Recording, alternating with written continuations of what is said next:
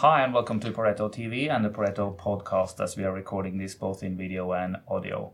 Uh, I'm Carl Oskar Ström, and with me today I have our energy analyst, Nadia Martin Wiggen. Welcome. Thank you very much. Good afternoon. Yeah, thank you. And, and the last time we were in studio, uh, uh, oil, which is one of the things you're definitely uh, covering, was uh, what had, just went negative. One of the oil prices in the in the U.S. and uh, the Brent oil was was around 20ish, which was close to the low point for for this year. Um, you're covering the energy space, but, but, but the oil is the most visible uh, price or proxy for, for the global energy price, actually. And you were out with a, a report uh, this uh, week um, titled The Road Back to US dollar 60 per barrel of oil. And we're, we're currently a little bit about uh, 42, 40 ish, and it's mm-hmm. been there for, for some weeks. So we're going to go through the, the main points of your analysis today, but but I would just like to to, to know give a, a description of the situation right now because we have production. The production side is being curtailed uh, mainly by by OPEC, so it's being held back from where it used to, used to be. Demand has been uh, destroyed this year for the, the COVID 19 uh, situation, but it's so slowly creeping back, and a lot of question is how fast. And then, uh, since this has been the situation for a while, we have built large stor- storages of, of oil that's now uh, needs to be to be depleted to, to come to some kind of, of normal situation. And uh, that's, I guess, the the the, uh, the things you are you are looking at in, in your mm-hmm. report. So we're looking forward to, to hearing how this can, can this scenario can play out and, and in uh, in what kind of time frame we're looking at here. Mm-hmm we skip yes. into the, the presentation then? Yes. So I think um, if we start with the supply side, you know, as we discussed in the last two podcasts, it has been very well. This shows the oil price where we are today. So we're at just above forty-two dollars in Brent and mm-hmm. above forty dollars in WTI and it's been fairly stable here for, for at least the last few weeks. But yes. of course, when you look at this in a larger time frame over the last over the last few years, the volatility in, in oil prices have been been extreme, and I guess that's. Yeah. But I but I would say well. in the last few weeks we're in a comfortable range, and this is where you know we we see that above forty five dollars Brent, it starts to get tricky because U.S. supply starts to come back really at $50 Brent, then we see that OPEC's propensity to stick to their cutting agreement uh, really slips.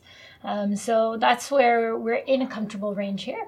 At below $30 Brent, which of course you know, nobody wants to talk about, but um, you know, then we would have very quickly a response in uh, the US again, and we would lose around 500,000 barrels per day in weeks um, of production. So that's where the $30 to $45 range is very comfortable, despite the fact that we are having all of these um, unfortunate second uh, waves of infections across U.S. states. You know, we haven't really um, even flatten the curve in a lot of South mm. American countries in Brazil. COVID nineteen is by like no that. means gone, but uh, but no. the responses have have changed uh, somewhat. Exactly. Uh, but but this is where mm. the crucial element is mm. really that OPEC stays the course, and that is where there's a lot of disagreement amongst a- analysts if they can and will stay committed to maintaining cuts and uh, supporting prices mm. at this sort of range. Yeah, because I think you have. Um, this is this is uh, uh, actually showing the this slide is showing the production cuts and and um, if I read it correctly, the, the largest cuts are actually coming now in, in the third quarter because it takes time, yes. you know, to, to, to get this uh, running. Well, it, that is a part of it. Also, there is some seasonality. Typically, the oil market produces more supply in the third quarter because it's the demand for air conditioning and things like that, especially in the Middle East yeah. and mm-hmm. the US driving season. And because we have so much oil in storage, which we'll go into more in detail, um, we don't forecast that so much production will be brought on. So that's part of the reason why the third quarter actually shows higher cuts than the second quarter, even though officially the OPEC target um, lessens next month by 2 million barrels per day. So they've agreed to cut 9.7 million barrels per day. It's only 7.7 million barrels per day that they will be cutting August, September, um, going forward. Um, so that is one thing that changes. And we've also had Saudi Arabia and the UAE and Kuwait doing additional extra cuts. That those expired um, in June. Mm-hmm. So those are some of the changes. But then we've had big curtailments in the US. And although we see activity coming back, there is a lag in terms of the response. In addition, the situation in Venezuela is dire. Mm-hmm. So we've had It's been for a further decline, yes, but we've had further decline in production there. Then we had a couple good headlines that Libya was coming back. Now maybe they will come back. That's in question. So we've also had those kinds of outages that are further supporting um, the the oil market because of well, political reasons Mm. why they're not actually able to produce. But the big player here is, is Saudi Arabia and, uh, and uh, their partners uh, holding back uh, uh, from their standard level of oil production uh, right now, which is, and these are numbers that uh, you wouldn't believe uh, a couple of years back. No. And this is where, you know, I think even at the OPEC meeting in March, the infamous one around the 5th of March, Mhm. uh, that there was an expectation that regardless of what they agreed, it wouldn't be enough to support the market against COVID 19 because no one thought that they would ever agree to cuts this steep and actually perform according to them. I mean, even Russia, which has been such a laggard for the last two months, has been almost spot on in terms of their production cuts. Hmm. But of course, they are the ones who, in our view, became quite desperate. And in April, really through the US and President Trump, asked Saudi Arabia to let's you know let's agree on some cuts. And that is a big game changer in our view because we had thought that Russia could actually handle lower prices for a longer period of time and then they could not. Putin's electoral support numbers are the lowest ever. And this is where we are in a very tight spot um, for the Russian country. And for Saudi Arabia of course and MBS it puts them in a position of strength because they're really showing that they are in control of the oil market. So although the Saudi Aramco IPO said, "Oh, we want to protect sixty dollar oil," at least they are literally controlling the price. Yeah, because uh, as you told us uh, before we uh, went into the studio, it's it's an it's important point for the for the listeners and viewers is that oil is partly energy and it's partly politics because it's so important actually for for large uh, states and large uh, groupings in in the world, both on the on the demand and the, and the supply side. But this is uh, covered much further in your report. But let's skip to to look a little bit at the demand growth, which is uh, one of the other things that's. Uh, um, more uncertain than it used to be right now because it's it's been for years on a you know fairly steady path, but a little bit uh, a little bit slowing uh, since other energy forms etc. are coming into to the, to play and and of course as as growth in, in the Western world has been slowing a little bit, but uh, but uh, right now we see huge huge swings. Um, but you you forecast the demand coming um, coming uh, back fairly good actually in the in the third quarter. Well, versus the disastrous second quarter, yes. And one piece of positive news that has really supported oil markets is that the revisions in terms of demand for 2020, for the second quarter, for the third quarter, have been predominantly raised. So things are not as bad as the market thought. Um, there is still a lot of uncertainty about the fourth quarter and going into next year um, because you know, we still have unemployment problems and things like that. But we absolutely see the momentum going higher, the PMIs, you know, the purchasers manufacturing indices, all sorts of numbers like that are much more improved in June and May uh, versus April. April was really the low. Some countries in May, you know, so that's on a trajectory higher, even if it's not yet growing. Um, So in the second quarter, in terms of absolute numbers, we see around 80 million barrels per day of oil demand. In the fourth quarter of last year, we were at 100 million barrels per day. Yeah, yeah. Mm. So that is an enormous shock. And this is where in the second quarter, we still had this tremendous oversupply, Mm. you know, at around you know, 12 million barrels per day. I guess uh, that's perhaps on the next uh, slide here because uh, Oh, this is this is shows demand versus uh, supply and, and towards and the medium the, term. But but yeah. we can mm. speak about it here. Mm. So if you look at that middle part of the chart, 2020, where you see that V, that deep V is reflecting the demand shock mm. this year, and we saw that supply has come down from you know 100 around 100 million barrels per day um, for this year. But then when we look towards next year, we expect the OPEC Plus agreement to still be intact, but they will be holding back fewer barrels. Mm. Now, when we look at this chart, we still see an enormous gap between demand being much higher mm. than supply. However, that is necessary to draw down storage because we believe that at the end of the second quarter, 1.7 billion barrels of oil mm.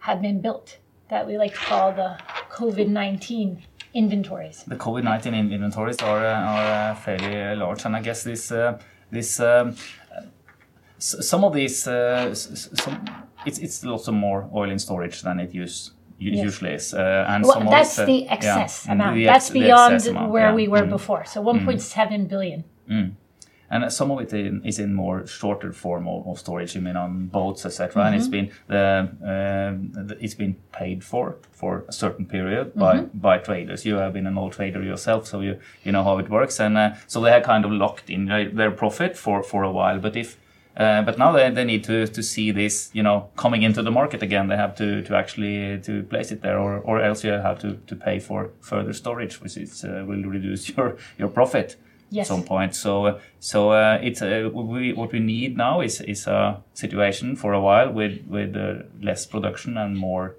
uh, demand. And this is where you know it, through next year we think that it, up to around. Uh, well, an average of fifty dollars a barrel Brent. You know, we get up to fifty-five dollars a barrel Brent uh, in the fourth quarter. Then we're in a happy spot that we draw down this storage. Mm-hmm we have slippage in OPEC. You know, we have lesser much. Mm-hmm. cuts. Mm-hmm. Yeah. Mm-hmm. You know, and we don't have a total boom in US shale yet. If we get to $50 now, through the rest of the year, that would already add 500,000 barrels per day. If we had that from now through the end of next year, we would be back almost within 100, 200,000 barrels per day of the production level the US had in November, December last year, 12.8 million barrels per day. And that is where you know we have to be very careful with the price because we don't want the market to get too strong too quickly because it encourages the return of shale mm. and it encourages a release of this oil storage faster than would would normally uh, be the case. Mm. But a lot of the traders have booked out storage for you know through actually next summer, so we we have some time. Yeah, we have some time, but uh, uh, we have a slide here showing. Uh, uh, the development over uh, since 1960 actually for, for the three three main players in the in the oil market. Can you can you describe to us what what we're seeing here? Yeah, so we chose 1960 because that's when OPEC first came together mm. in Baghdad. And we're showing here the US, Russia, and Saudi Arabia, who are the three largest oil producers in the world. And the US, of course, started out in the 60s as the biggest player. And then that production you know, from the kind of 70s into basically the shale boom was flattish, then went lower, and then uh, with the discovery of shale, shale really shot up, which is what you can see in the dark blue line mm, there. Since 2010. Yeah, mm. and really 2012 is when we really started to see mm. those big numbers. And of course, 2014 is when the market got into big trouble in the last down cycle. Now, in the meantime, we've had um, Russia, which has had some ups and then some downs, and then really boosted things. Mm. And, you know, in 2014, 2015 was very, very important in the market. And that is why actually Saudi Arabia didn't cut mm. initially was because Russia wasn't on board. And so they didn't want to give up market share to the US and Russia. Now, when we look at where Saudi Arabia is, and the important thing about this chart is it shows the forecast to 2025.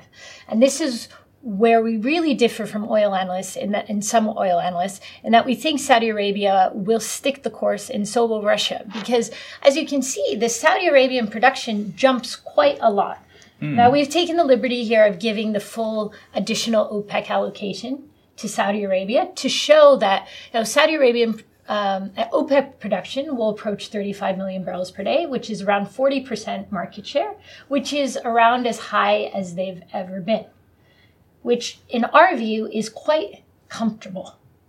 It still allows Russia to maintain around that same production level. But of course, Saudi Arabia still, even with that full OPEC production allocation, doesn't reach the level of US total oil production.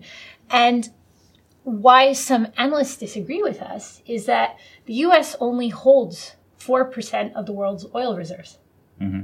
OPEC together owns 70%. Now, as you discussed earlier, you know, we see not a steady year on year demand growth. So, should, from a logic perspective, Saudi Arabia agree to keep cutting oil when the demand for those entire reserves will never be there and give away so much market share to mm-hmm. the US? And this goes back to the point about politics. Yeah. No, it because they're not in that same game theory situation that the U.S. is in in a free market. Mm. You know, Russia, Saudi Arabia, other OPEC countries, they are in very difficult political situations. Mm. They are extremely reliant on oil, and unlike Norway, it's not easy to see a peaceful end to this if in that transition if oil prices are not strong enough. And this is where Russia absolutely buckled. And this is where we, you know, in March, we thought, okay, now they're going to stick this course. Mm-hmm. They're going to go for broke. We're going to have very low oil prices through year end. That's why our base case for this year was $32 on average. Now it's $42. It's quite so a big difference. So the surprise has really been Russia here. Yes. Mm. And that, that was viewed as such a victory by Saudi Arabia and the other countries that they're all on board. And we really see that mm-hmm. necessary comeback for OPEC yeah. oil. But so guess, that's why they'll do it. Graph can, can show the necessity of it and anyway, because it's uh, uh, Russia is, is so large in production uh, compared to, or it, it's, it's approximately the same level as, as, Saudi Arabia, give or take. So, so it would be, you know, uh, seen as unfair that, that Saudi Arabia is, is shouldering all the cuts when uh, they're kind of like it or not, in, in the same boat here.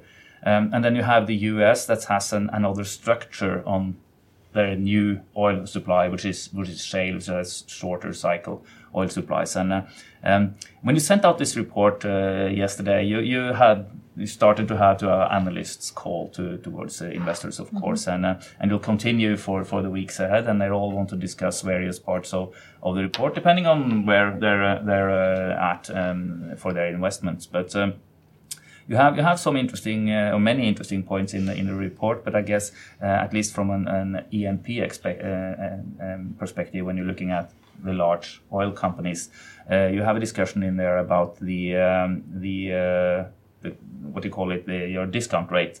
Yes. Uh, when you when you when you plan, uh, I think it's important to to underline this for for uh, the listeners. I guess most of them are familiar about it, but but you, you you have when you when you doing a discount rate uh, discussion in uh, in uh, these kind of analysis, you have to, to take into account the, the, the payable cost of capital, what you actually uh, can borrow uh, or or uh, your investors want to, to have, and then you have an element of of uncertainty.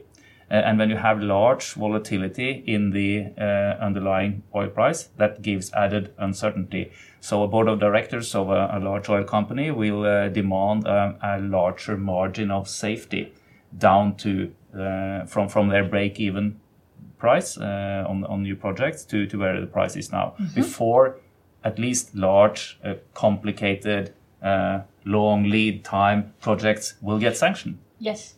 And over time, this will can cre- create a, a, need for uh, for uh, for yeah development. Yes, and this is where even you know when when when we look at where we are now, at $40 Brent. Mm-hmm. It doesn't mean every project in the world with a break even price of $40 is being sanctioned. Absolutely no. not, because they need that gap. And we actually believe that we need $60 oil prices for more than six months, more like 12 to 18 months to really get projects sanctioned, the long term ones. Well, initially, you could do short term payback projects, um, which would be great in terms of shale, but actually, the break even prices on shale aren't that low. No. So, we the break even prices are actually typically lower on a lot of these offshore projects. Um, that are, for example, in Norway, and this is yeah. where you know. It also, when we have the lower But, taxes, but larger investments, longer lead times. exactly, Mm. and that's why you know they get more nervous, and that's Mm-hmm. why you have such a gap. That it's a twenty dollar gap that we actually Mm-hmm. see right now that has to be overcome, and we need this period of um, stability Mm. to to actually make those investments. I guess that's an important part of your report now that you yeah, that you're trying to look some years down the road and see that okay what what oil price will be necessary to balance the market once we get past this initial unbalanced uh, situation. And that's where, right if now. Mm. we look at the next chart, yeah here it here is. you can actually see so the dotted um, v-shaped line that is um, the demand our mm-hmm. demand forecast. And as you can see it's quite steep for 2021 and 2022 because it's still making up for 2020 from 2023 2024 we actually have a much slower demand growth rate of 900,000 barrels per day, a little bit less per year, mm. which the historical average has been at least 1.1 to 1.5 million barrels per day for the last 20 years. Mm.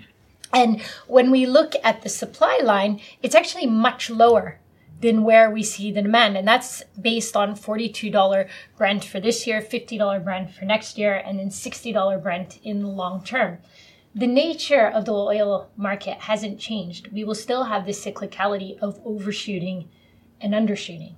And after we draw down those 1.7 billion stocks, COVID 19 stocks, then the market will really strengthen and prepare to overshoot. but that can absolutely take time yeah because of these investment decisions and how much confidence people have in that market. Um, it is where we also incorporate in the demand side, of course, increased substitution. And the fact that, for example, right now we see much fewer car sales. Car sales are contracting again for the third year in a row. Mm-hmm. We expect that to continue. But it also means that we will have slower efficiency gains and slower substitution to electric vehicles. On the other hand, by the time people are ready to buy a car at the end of next year or 2022, 2023, our expectation is that a lot more infrastructure will have been built around that. So instead of buying an efficient gasoline vehicle this year, they'll probably go straight to an electric vehicle. And so that is incorporated in our con- in our forecast going forward. But as we've shown, there's an absolute still need for oil Uh, coming yeah, from OPEC, yeah. coming from the US, coming from Russia, coming from Norway. It will be very interesting to see how these uh, scenarios uh, play uh, play out, and it's, it's further covered in your report. But where do you, um, to, to sum it up here, where do you see that we differ most from what's currently viewed as, as a consensus uh, for, for going forward? I think we've done a very thorough analysis of where the inflection points are for US shale to jump, something that the market three weeks ago was completely ignoring that Brent could go above $35. Nobody even wanted to talk about it. It had to come down. Um, so I think we see that it can keep going higher, but above 45, it gets tricky. At 50, things we would probably then see a pullback. So that's the first place we differ.